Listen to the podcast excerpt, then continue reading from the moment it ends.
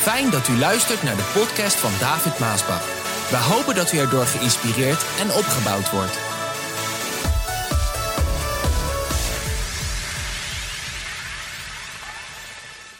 Ja, Blessing Members. Ik was me aan het voorbereiden en eigenlijk de boodschap een beetje, eh, nou niet een beetje, het is eigenlijk geboren uit, eh, uit wat ik hoorde ook en wat ik lees natuurlijk in, in de krant en hoorde op het nieuws. Dat mensen vandaag eigenlijk vanwe- vanwege de coronavirus, die zijn opgenomen op intensive care, dat, dat ze zo eenzaam sterven. Ik hoorde dat en ja, ik zat erbij na te denken. Ik dacht, daar lig je dan. Je verplaatst je dan daarheen en daar lig je dan alleen. En ik werd werkelijk bewogen bij een, bij een, een, een beeld eh, op een moment in een soort eh, documentaire.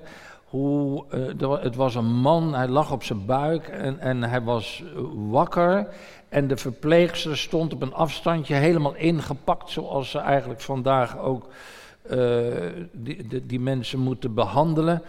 En, en, eh, en de familie kon daar niet zijn, hij was alleen en hij raakte zo met zijn vinger de palm van haar handschoen, van haar hand. Ze had handschoen aan. Dat hij, maar even haar, dat hij maar even iets kon voelen. Het was een soort maken van contact.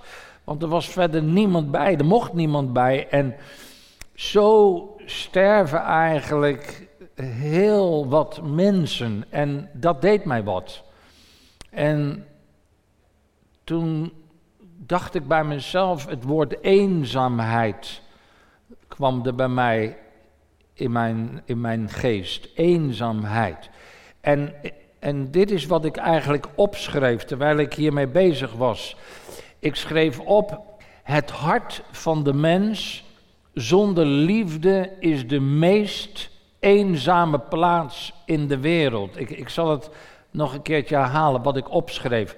Het hart van de mens zonder liefde is de meest eenzame plaats in de wereld. Want kijk, dit is wat ik dacht toen ik dit schreef. Ik kwam door wat ik hoorde tot het besef dat ik dacht, er sterven heel veel mensen eenzaam nu. Zonder familie. Niemand die erbij kan komen. En ze blazen hun laatste adem uit. Wat moet dat eenzaam zijn geweest? En toen ik dit opschreef, toen dacht ik, maar eigenlijk sterven er vele miljoenen mensen van de eenzaamheid. Niet alleen vanwege de, de virus dat de mensen daar niet bij kunnen komen en dat ze zonder familie en vrienden heen moeten gaan. Dat is een verschrikkelijk iets, lijkt mij. En ook, ook aan de andere kant voor de familie. Maar mijn gedachten gingen verder dat ik dacht bij mezelf. Eigenlijk sterven er per dag miljoenen mensen over de hele wereld van de eenzaamheid. En daarom schreef ik dat op het hart van de mens, zonder liefde, is de meest eenzame plaats in deze wereld. Er zijn miljoenen mensen die zonder liefde in hun hart vandaag op de meest eenzaamste plek van de wereld zijn. En dat is hoe ze heen gaan. Dat is hoe ze sterven.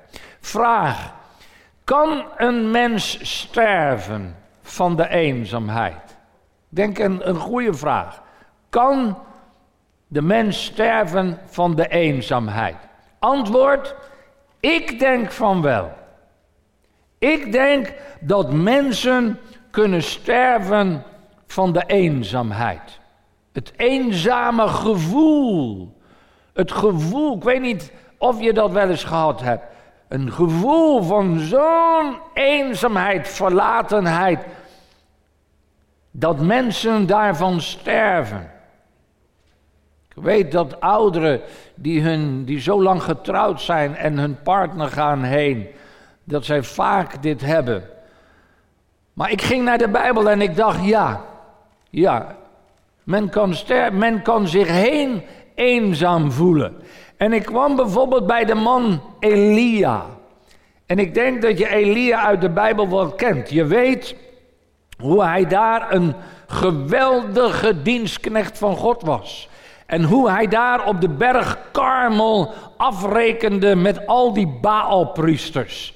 Je weet hoe hij daar die, die, uh, die, contest had met de Baalpriesters. Dat ze mochten eh, uit de hemel vuur roepen dat, dat hun God dat, dat offer zou verteren en ze deden hun best en er gebeurde niks. En hij deed het, hij goot er zelfs water op, zegt de Bijbel. En vuur kwam in de, uit de hemel en verteerde het hele offer.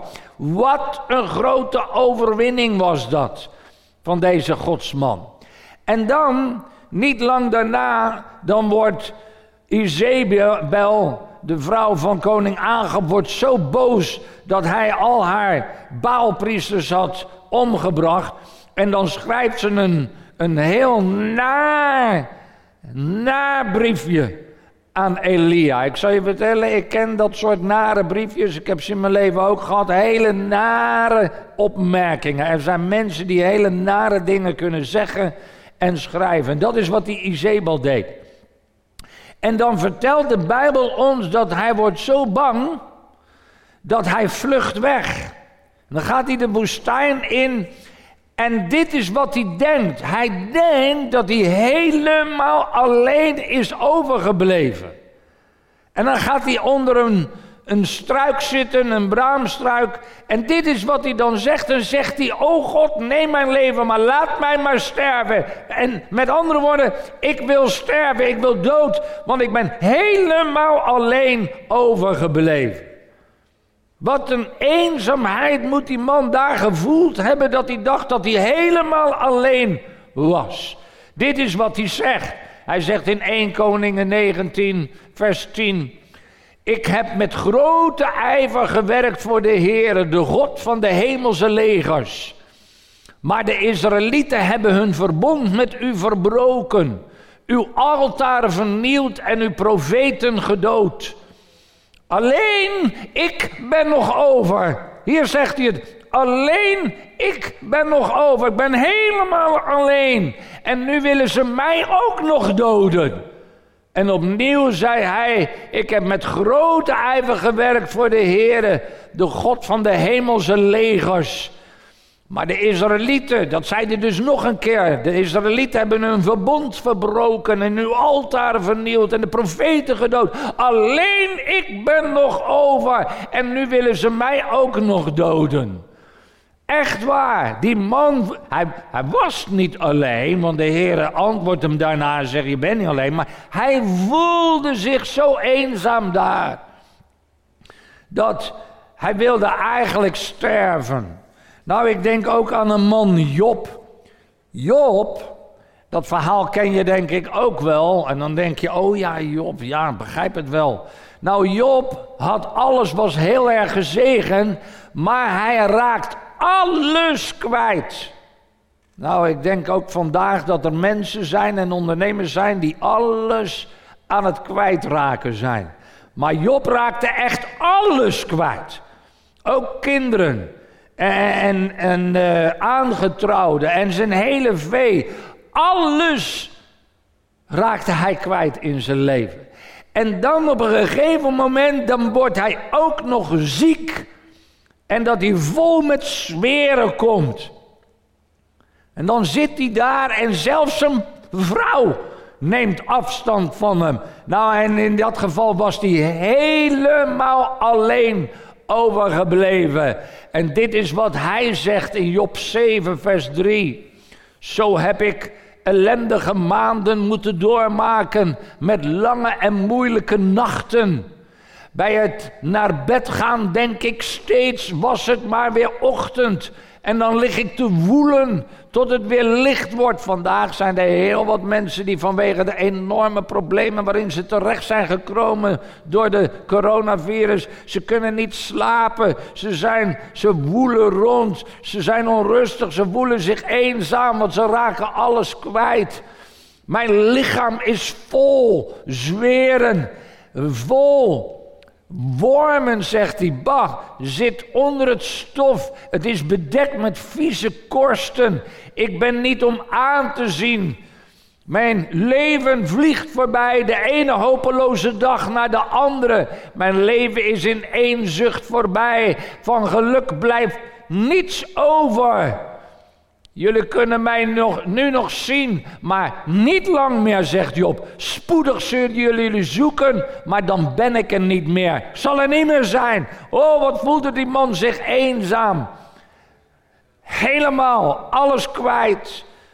En dan bid ik ook voor de mensen vandaag die eigenlijk zo door de crisis heen gaan en het zo moeilijk hebben.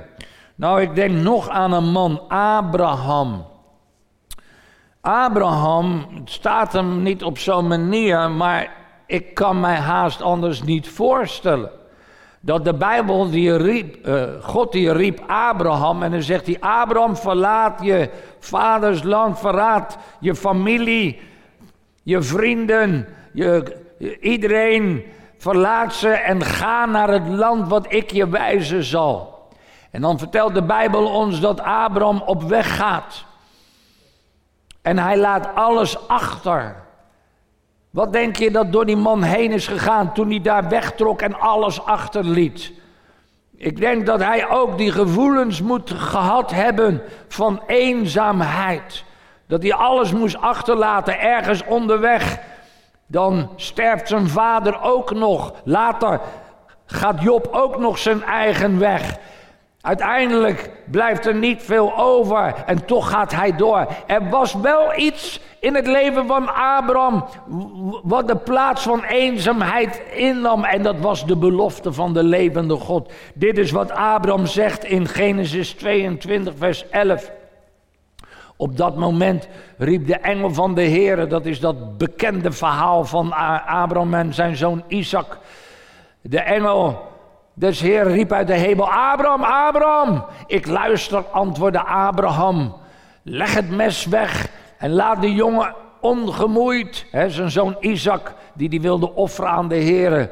Ik weet nu dat God de belangrijkste in je leven is. Zelfs je eigen zoon, je enige van wie je zoveel houdt, wilde je mij geven.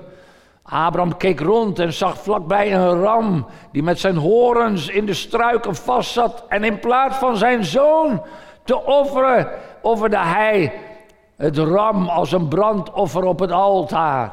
En Abraham noemde die plaats, de Heere voorziet erin. En daarom wordt ook nu nog gezegd, op de berg van de Heere zal hij voorzien. En toen sprak de engel van de Heer opnieuw tot Abraham vanuit de hemel. Ik, de Heere, heb mijzelf gezworen dat ik u en uw nageslacht rijk zal zegenen. En omdat u mij hebt gehoorzaamd en mij zelfs uw enige zoon wilde geven, uw nakomelingen zullen net zo talrijk als de sterren van de hemel en het zand langs de zee zijn.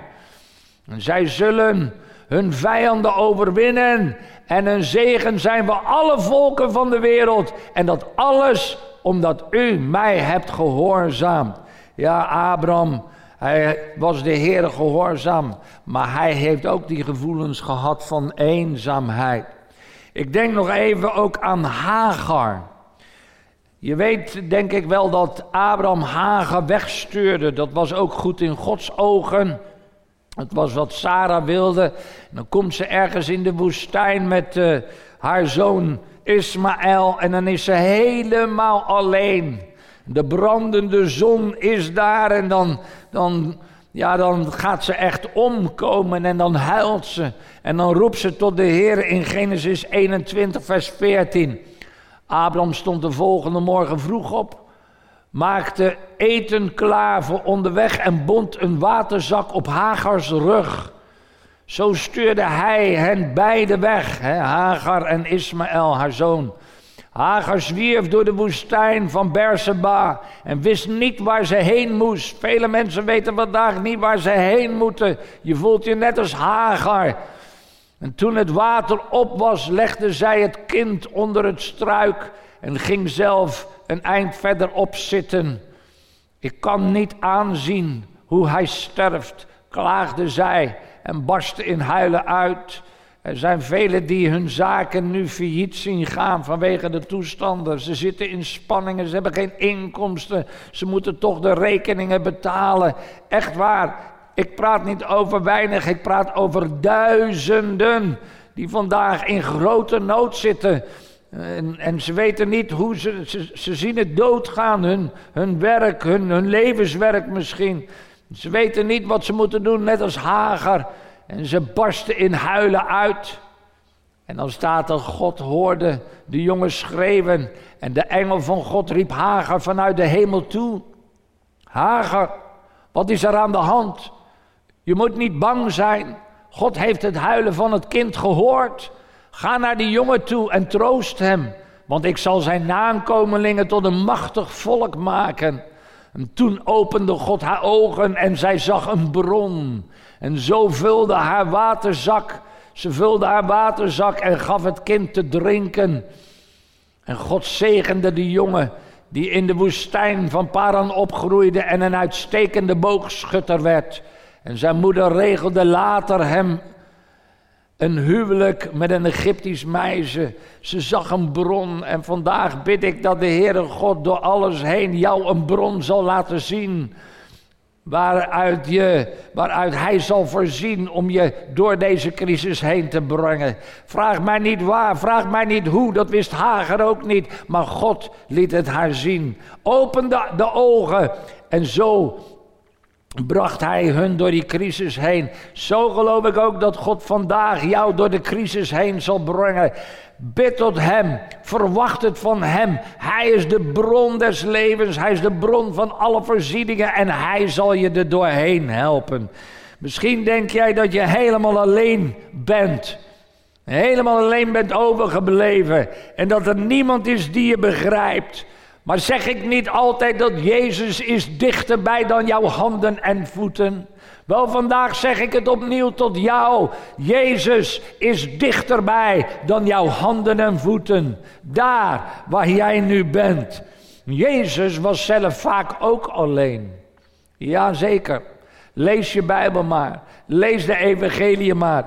Hij was vaak alleen, maar hij was nooit eenzaam. Hoor je dit? Jezus was vaak alleen, maar hij was nooit eenzaam, want de Vader was altijd met hem. Dat is wat de Bijbel me zegt. De Vader was altijd met hem.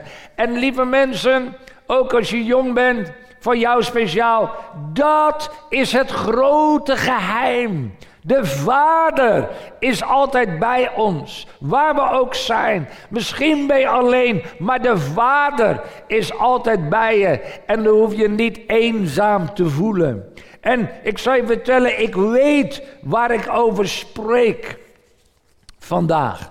Ik weet echt waar ik over spreek. Mijn boodschappen zijn niet boodschappen die ik zomaar uit een boek heb. Mijn boodschappen komen uit een leven wat ik geleefd heb en meegemaakt heb. En daar kan ik uitputten en het jou juist vertellen. Ik heb het ook meegemaakt.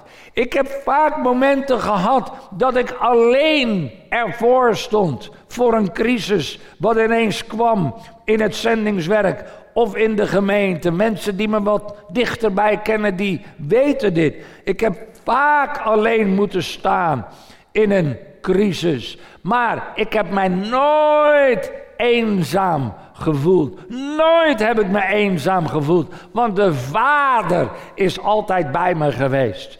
Een heerlijke relatie met de Vader. Hij is altijd daar. Zegt ook een mooi lied. He was there all the time. Hij is altijd daar. Zo ja, je kan je alleen voelen omdat er niets is waar je op terug kan vallen. Omdat er misschien niemand is die je om hulp kan vragen. En misschien voel je vandaag ook alleen.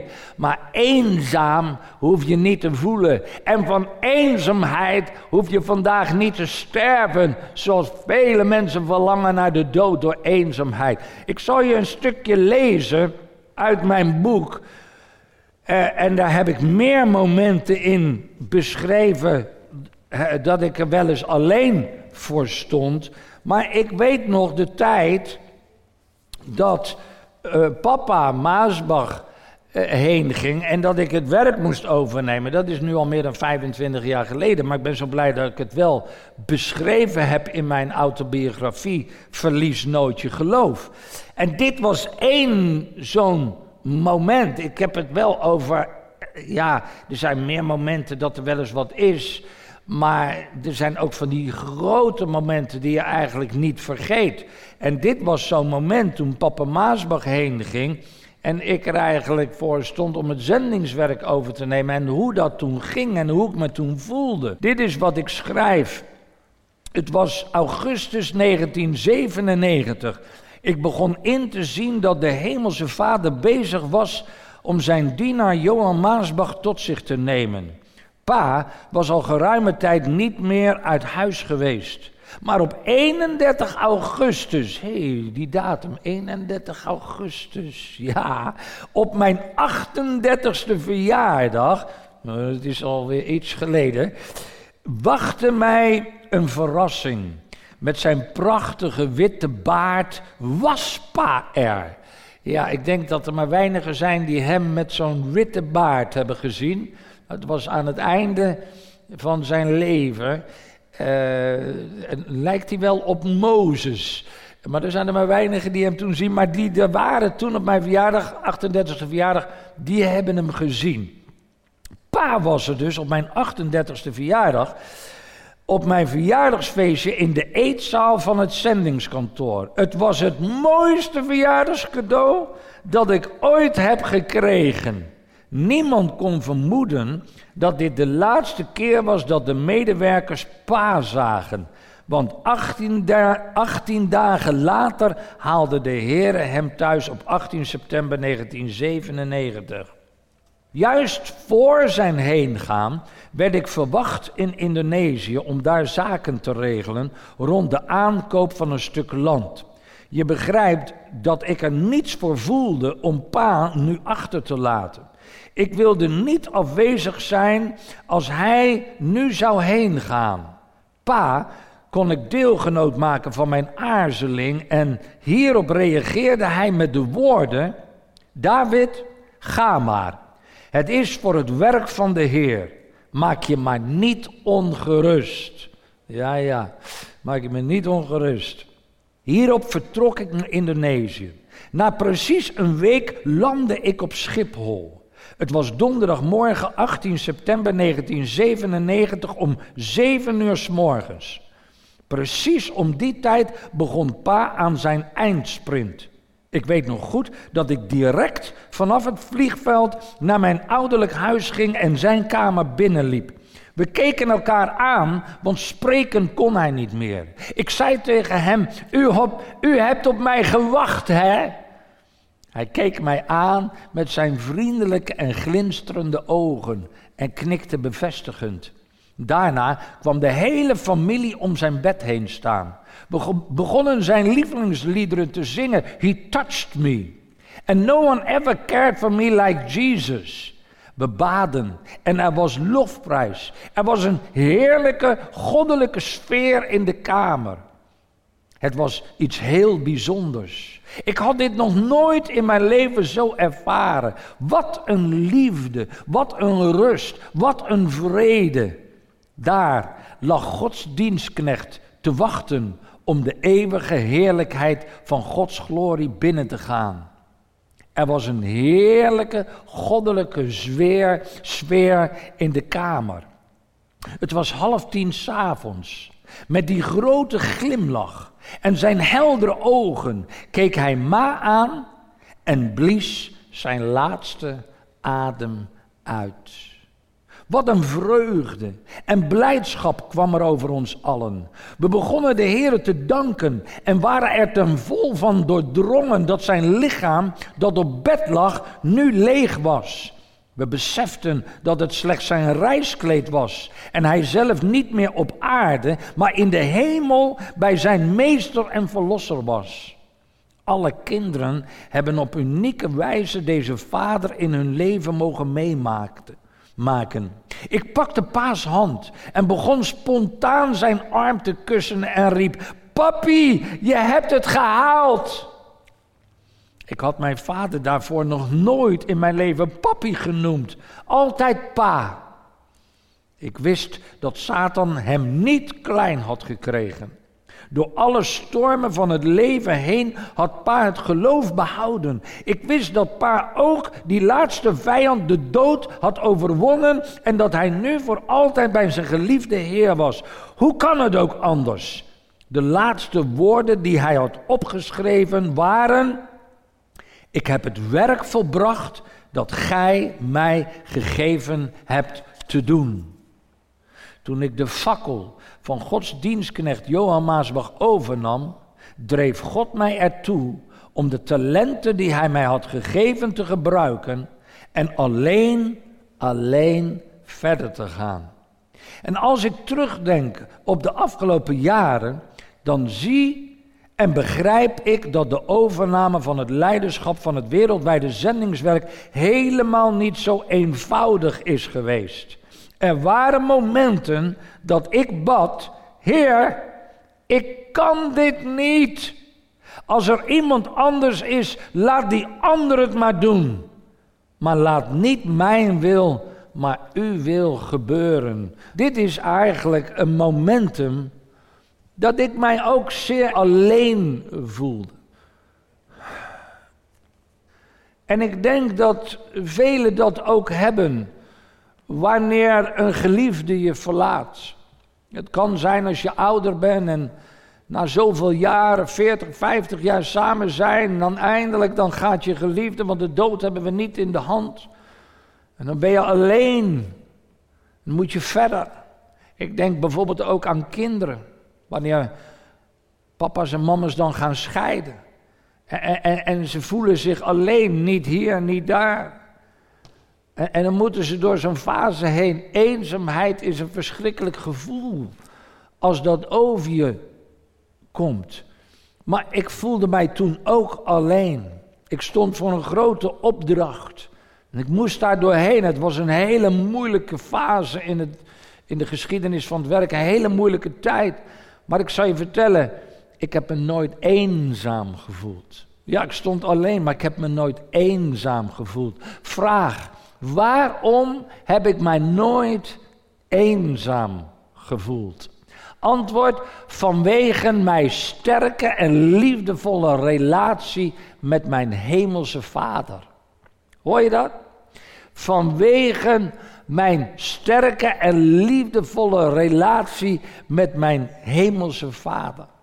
Quote: Een liefdevolle en sterke relatie met jouw hemelse Vader is het geneesmiddel tegen alle gevoelens van eenzaamheid. Ik herhaal dit.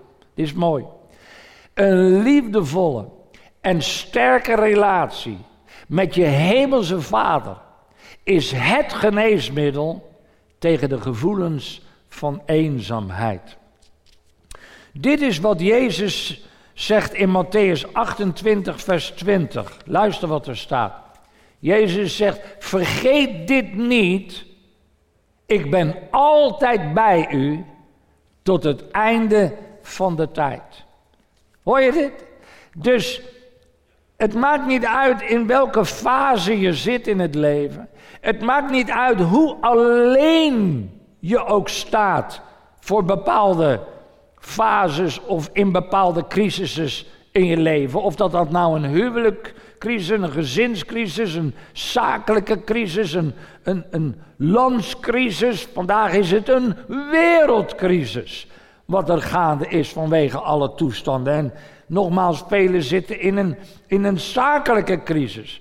Maar het maakt niet uit hoe alleen je er ook voor staat, eenzaam hoef je niet te zijn en te voelen, want de relatie die jij met de hemelse Vader hebt, dat is waar het allemaal om gaat.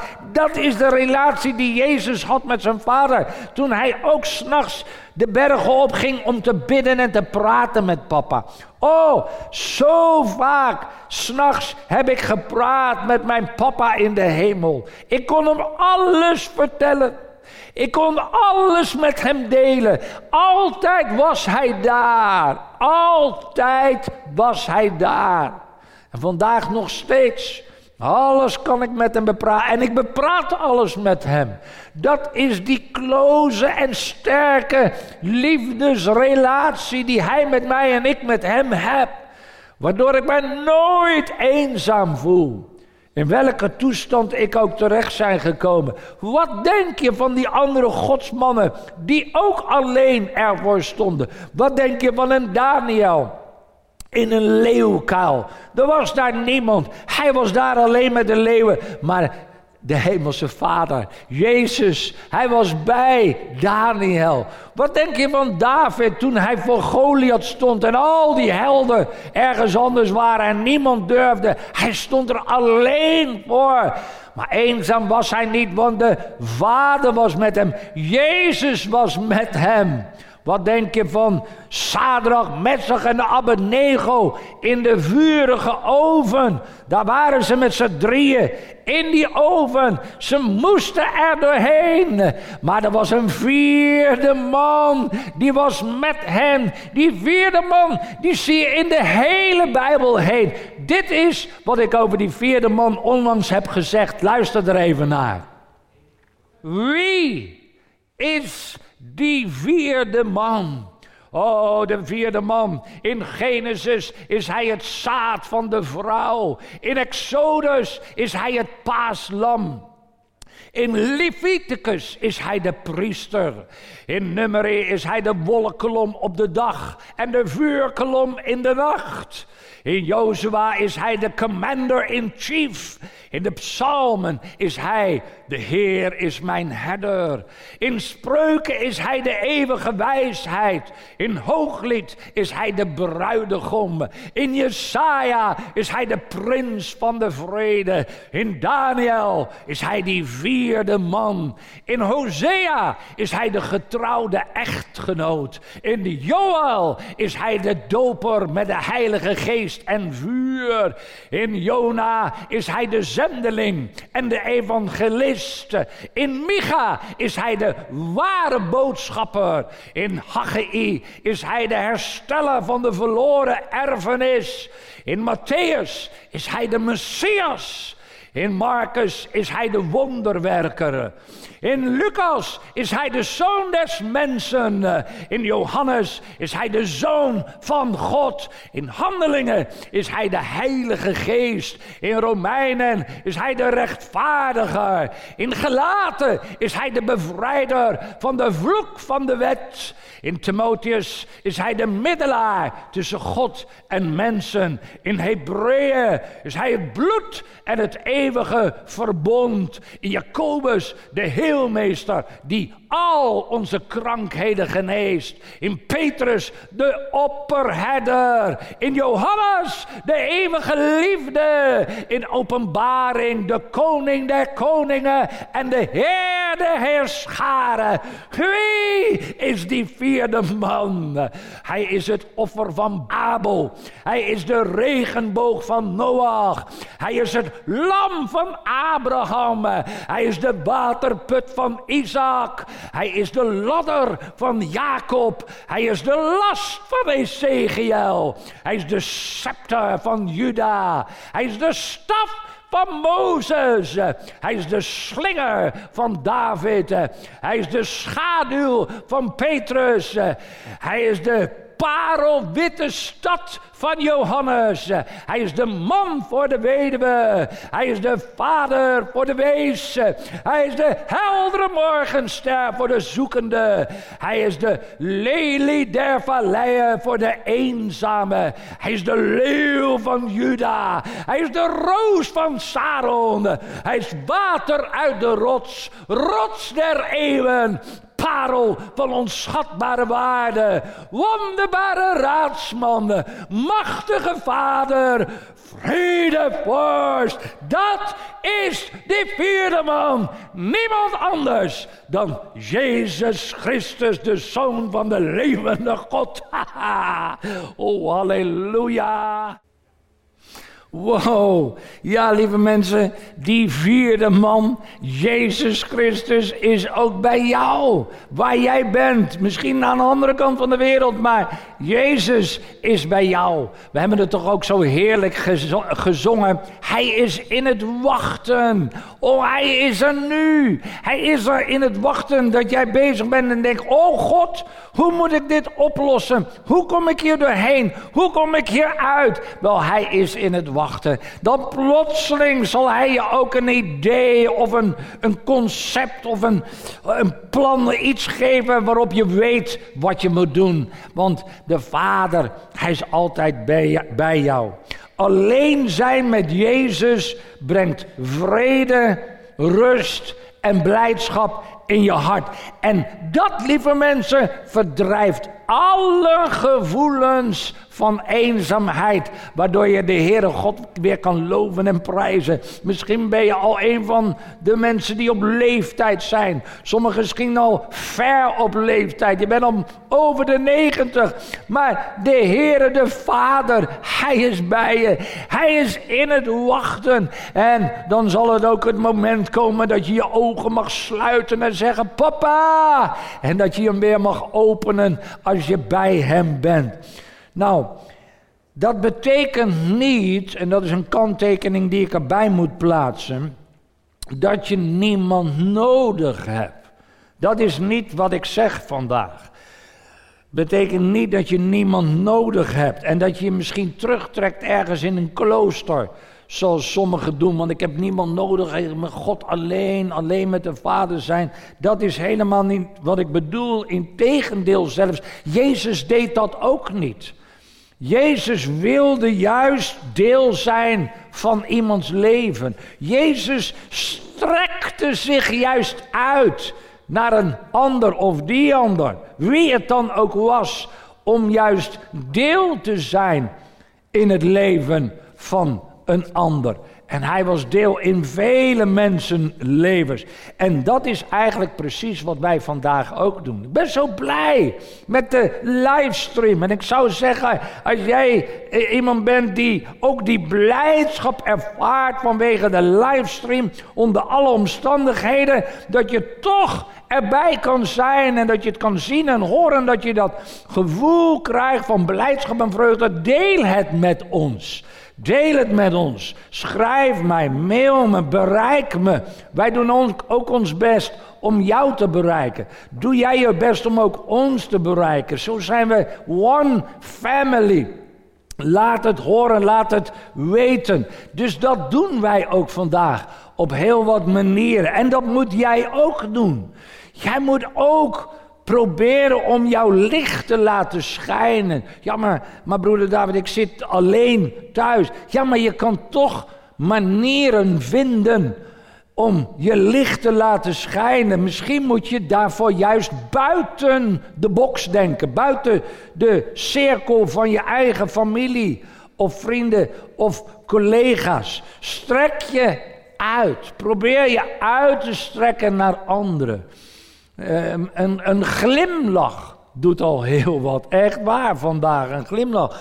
Of als je met buren hebt of, of, of oude mensen, dat je kijkt op welke manier kan je iets voor die ander doen. Strek je uit naar die andere. Laat Christus door jou heen werken en laat Christus door jou heen zien aan die ander. Jij bent misschien de enige Jezus die die personen in jouw straat door jou heen zullen zien. Jezus is ook de enige brug. De enige brug tussen God en tussen de mens. Dat is wat de Bijbel ons leert. Eh, waardoor, die, waardoor de mensen die zich eenzaam voelen, van die eenzaamheid bevrijd worden van die eenzame gevoelens bevrijd worden. Wanneer zij die brug, net als jij en ik, eens bewandeld hebben. Hij is de weg, de waarheid en het leven. Hij is gekomen om de werken van de boze te verbreken. Jezus is de brug tussen de Vader en tussen ons. Jij hebt hem door iets of iemand heb jij geleerd gehoord om die brug te bewandelen. Je hebt die brug bewandeld en nu heb je een relatie met de Vader. Waardoor die eenzame gevoelens uh, weggaan. Zo probeer jou uit te strekken naar die ander. Die misschien nu in die eenzaamheid zit. en laat dan Jezus die brug in hun leven ook worden. Waardoor ze een relatie met de Vader krijgen. Waardoor ze Jezus leren kennen. Nou, misschien als jij vandaag kijkt en je voelt jou eenzaam, of misschien tegen de ouderen zou ik moeten zeggen, u, misschien voelt u zich eenzaam. En, en, en eh, je, je kinderen of kleinkinderen kunnen niet bij je komen en, en, en, je, en je, ja, je bent gewoon ja, je voelt je eenzaam, maar, maar luister naar de boodschap die ik gebracht heb. Je, misschien ben je alleen, maar eenzaam hoef je niet te zijn en te voelen. Want jouw relatie, uw relatie met de Vader maakt dat al die eenzame gevoelens zullen verdwijnen als sneeuw voor de zon. En zo strek ik mijn hand uit. En misschien kan u hetzelfde doen naar mij. Strek je hand maar, strek uw hand maar naar mij uit. Dan maken we een soort van punt van contact. En dan bid ik, Vader in de hemel, ik ben zo dankbaar dat u een goede Vader bent. En Heer, dat u alle eenzaamheid wil laten verdwijnen uit ons denken, uit onze geest, uit ons binnenste. Heer, dat u door uw Heilige Geest uw liefde zal uitstorten in ons hart opdat elk gevoel van eenzaamheid zal verdwijnen als sneeuw voor de zon. En dat we ons juist met volle vrede, rust en blijdschap tot u mogen naderen en zeggen: Papa, papa, u bent zo goed, u bent bij mij. U bent altijd bij mij. U zal altijd bij mij zijn, zelfs door de dalen des doods, zelfs in de grootste crisis waarin ik nu zit. Vader, u laat mij nooit alleen. U zal altijd bij mij zijn. U zal mij door deze crisis heen brengen. U zal me weer uitleiden. En ik mag het geloven met heel mijn hart. Ik mag de woorden van Jezus als waarheid aannemen dat Hij mij nooit zal verlaten. Al de dagen van mijn leven met mij zal zijn. En als straks het moment komt dat u mij komt halen, zal ik voor eeuwig en altoos bij u zijn, in uw huis. Oh, wat zie ik daar naar uit. Maar vader, nu bid ik dat u mij zal helpen. En voor degenen die een gezin hebben en kinderen. Oh Heere, dat u zal werken. Ook naar de kinderen misschien, sommigen die u niet dienen en niet volgen. O Vader, laat uw liefde hen trekken dat ze zich zullen bekeren en eeuwig leven zullen ontvangen. En nu bid ik ook voor degenen die door de crisis heen gaan met hun zaken. O Vader, dat u zal voorzien en dat u een wonder zal doen en dat u ons er doorheen zal brengen. Dat we geen tekorten zullen hebben, maar dat we zullen hebben zoals u beloofd hebt, overvloed. In de naam van Jezus Christus. Dank ik u dat u ook met het zendingswerk bent. Dank ik u dat u met de gemeente bent. Dank ik u, Heer, dat u met ons bent. Altijd in Jezus' naam. Amen. Amen.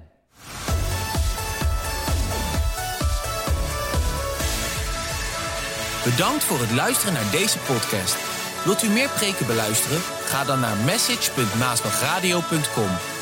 Bezoek ook eens onze website www.maasbach.nl.